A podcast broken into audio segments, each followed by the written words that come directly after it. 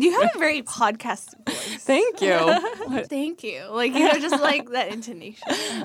All right, I'll give it a shot. Jessie does this so well. She does it in like one take, so I don't know if I can do that. You're listening to Work in Progress, a podcast that helps you understand and navigate the world of work. Work in Progress is a podcast that belongs to the Virginia Audio Collective. Tune in and subscribe on Apple Podcasts, Spotify, and on the UVA Career Center website. For more resources, follow the UVA Career Center on Facebook and Instagram. I'm your guest host, Aubrey O'Hara, Marketing Communications Director at the UVA Career Center. Today, we're bringing you a special alumni spotlight with Hannah Pack. You have quite a unique story to share with students and a unique work experience. So, could you talk about what you majored in at UVA and what led you to that major? So what's really funny is UVA at the time that I was in school, ooh, 10 plus years ago, they didn't really have a graphic design program, a visual design program, UX, UI. They didn't really have that. I'm not sure if they have it now even. I majored in studio art. At the time, I believe it was called New Media. I had no idea what new media mm, really meant.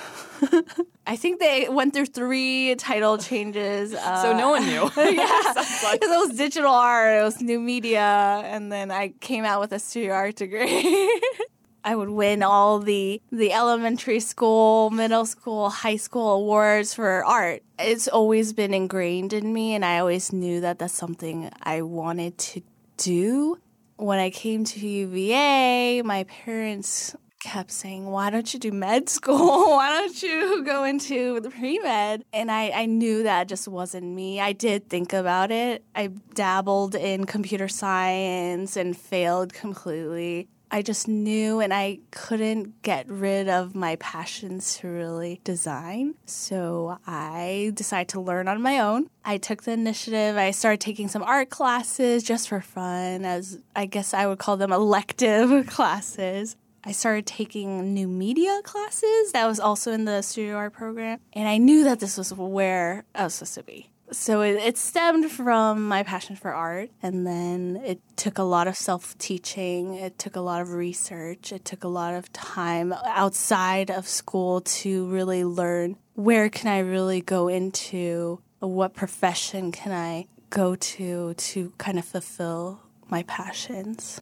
Could you talk a little bit about that conversation with your parents when you said like you know honestly this pre-med tracks is probably not the best fit for me was that a difficult conversation to have with your parents or? Yes completely. It, it was an agonizing two weeks of me contemplating their responses to me. This was all that they had in their mind was my daughter is either going to be a doctor a lawyer. It really was me strategizing on how do i build a business case. Right. you know what's the value proposition of me taking on this career what are some success stories, some use cases. I really had to do a lot of my research, and this was my first year in college. so I had researched all the positions in which I could possibly go into uh, graphic design, visual design. And so I got my first graphic design internship my first year in college.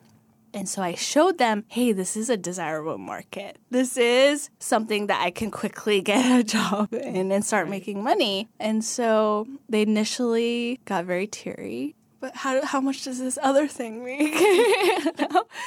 I love my parents so much, and they just wanted the best for me. It came from a really good place where they just wanted us to succeed and be secure later on. Well, based on your experience, you've you've clearly done that. So it sounds like it was a good conversation to have early on so that you could gain experience in your first year or after your first year at UVA. Could you talk a little bit about what industry you're currently working in and the company that you're working for? Yes, I work for a company called SES and we are the world's leading satellite operator. We bring connectivity to everywhere in the world. We send satellites through rockets to space. No big deal. Yeah, it's no very big normal. deal. It's like every day. Yeah, just it. billions of dollars. yeah. So, my current role is human centered design lead. and I'm part of the customer innovation and transformation team. We bring new, creative, innovative solutions to some of the problems that we are given and face. So, you work in user experience design. And so, I'm just curious what does that actually look like? What does that mean? So, user experience is part of uh, human centered design. It's really just a innovative, creative, problem solving process. A key component is the research portion. So, being able to understand a user's behavior and what I love about human centered design is it's all about collaborating with your users. You're all in one room and you're coming up with these solutions together. Do you mind defining just the main differences between UX design and UI for listeners that may not be familiar with those two terms? UX is user experience design and UI is user interface design. So the difference is UX kind of focuses on the empathy, the person, the user, the customer of your product or service. And you really try to deeply understand that portion by doing some research, by sitting with them and being able to live their life with them. So, very similar to a lot of the human centered design aspects. And then UI is user interface design. It's really the visual aspects, you know, the wireframing and the prototyping and the mock ups, mm-hmm. all that pretty stuff that you would see. And you do need a lot of design skills and you need a lot of that technical skill Photoshop, Illustrator, InDesign, tools like Sketch and InVision. Could you talk a little bit about an experience with user design or human centered design that you're especially proud of and what you did through the process to get to the final product? Yes, so we partnered with a company to bring a telehealth solution to underserved and rural areas that didn't have access to really good health care. Telehealth is being able to virtually meet with a physician, even specialists. We spoke with a lot of people that the closest hospital would be 100 miles away. We were in the process of working with the local governments to supply some kind of telehealth solution. So, for that particular project, what would be like a typical day in the office? I'm really curious typical day would be analyzing the data from these interviews. It would be understanding the policies, why communities don't have a telehealth system. What are the logistics and the legal aspects? Does the government uh, already have initiatives going on? After analyzing all the data, working with some of these rural community leaders and users, and coming up with solutions solutions could be a sketch of something that they won't want to see in an app on their phone. It could mean let's send a truck across these rural areas and have them meet a doctor virtually, a specialist virtually through these trucks. The point was that we bring forth as many solutions and be able to test them out to see really which one uh, would be the best fit for these users. So, do you work with people within the company on a daily basis. I mean, obviously, you probably need people that understand law and that government's policy. So, could you talk a little bit about other people you work with in your office? The part about design thinking I really love, or human centered design, is that you work with key players all in one room. So if you need a finance person or if you need a legal person, you make sure you bring that person into the room and you're collaborating and co creating together. Got it. And when you come up with those solutions, are you putting them together in a final report? Who does that report go to? Who makes the final decision on execution? In this case, particularly, we have to put on our selling hats and we have to make sure that this aligns with our company's goals. We had to take it to our C suite. We would have to take it to the partnering C suite. And what is a C suite? Oh, a For C-suite. those that don't know. it's our CEO, our CTO, you know, the, all the, the, the big, the big ways. C, CFO, yeah, all those people that make decisions with the dollars, right. the funding. So we actually do have to make sure that we sell it impactfully. We right. advocate for the users because the C suite doesn't always know or understand that dynamic or group of people. So that's it on us as user experience designers, as human centered design leads to really empathize and be able to share that empathy and be able to really impact how these users are being portrayed Right. So it's not just black and white or numbers on a page. Exactly. You're getting some actual testimonials from Yes. real life people. Yes. Interesting. Could you talk a little bit about what first caught your interest in UX UI design? It was actually my boss. I was a intern at a company called Noblest. I was a third year in college, and she said UX is going to be big in the next five to 10 years. I think you really are personable. I think you love to interact and engage with people. And I think you'd be a really good user experience designer. And I was up for anything at this point. I just really wanted to learn about it. So she sent me to a UX intensive program where I got a crash course into what user experience was, how you could use it to solve people's problems. So, what specific things can students do to learn more about human-centered design and or design thinking in their undergrad years? What I would say is seek after internships and junior level positions where they're willing to teach you. I'm not sure that you can understand human centered design and design thinking practices, methodologies, if you aren't immersed in it and being able to see it actually work. I think that was the biggest impact for me to see it actually work, to see users cry, so I would say try every opportunity, even if it's a shadowing or an externship where you just are able to see what it's like to do human centered design or design thinking. I personally take it upon myself to open up opportunities for UVA students, students who really want to learn. For those that aren't aware, externships are sort of like a short job shadowing experience. So that could be as simple as reaching out to an alum through Virginia Alumni Mentoring, which is a great platform that we have at the Career Center for students to get connected with alumni in various fields.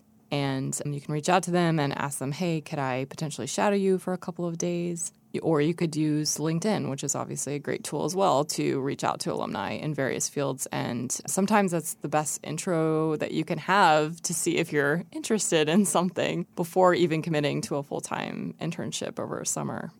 Whenever I get a message from a, a young person who's interested in human centered design or UX or UI, I. Always seek after oh what opportunities can i give them? How can i work with our hr to bring these students on? Because that's the passion i'm looking for this person doesn't even know me yet they're willing to message me Well, it's not only the passion; it's like the initiative to actually take Yes. take a leap of faith.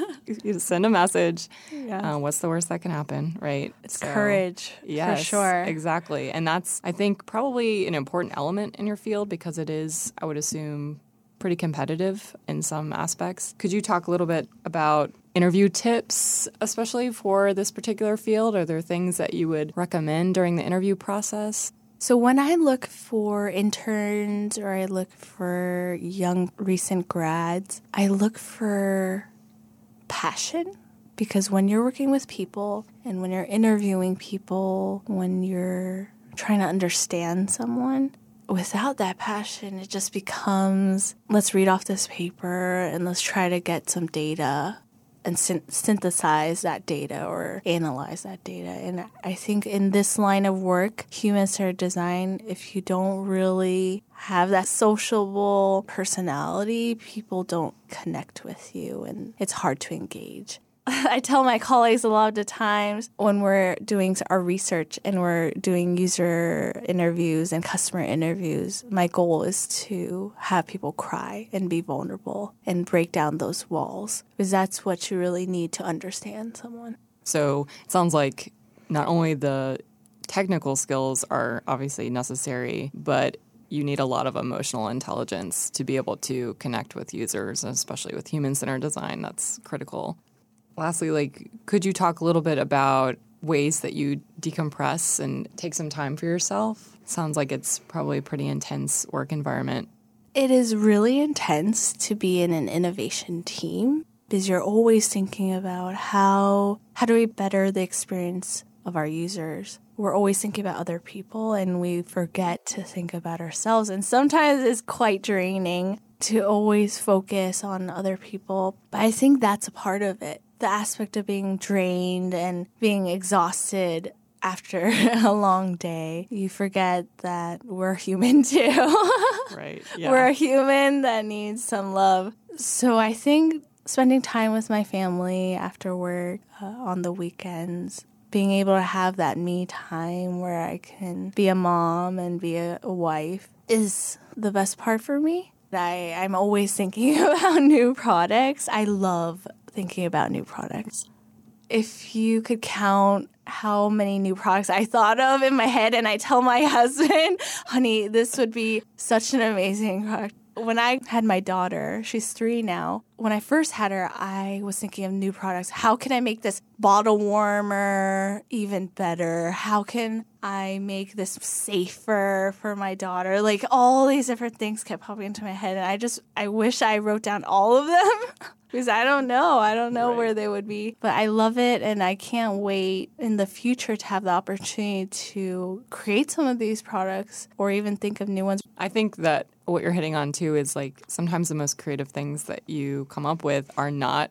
at your desk right? Right. It's the off time, and that's why time for decompression, even though you're not, your brain isn't off, you're still generating. And that is why I think it's just critical for everyone, even if you're a student, to take some time to pause because sometimes that's when you get your greatest inspiration. So. Yes. And you don't receive these ideas when you're in day long meetings. that's when inspiration typically will yes. not be as high. That's true. That's true. Well, thank you so much for joining us today. I think that your perspective is really so fascinating, and I know that students are very interested in this space. So we really appreciate your time. Thank you so much. Thank you so much. I really had a lot of fun, and I can't wait to see more alums come by and share their experiences.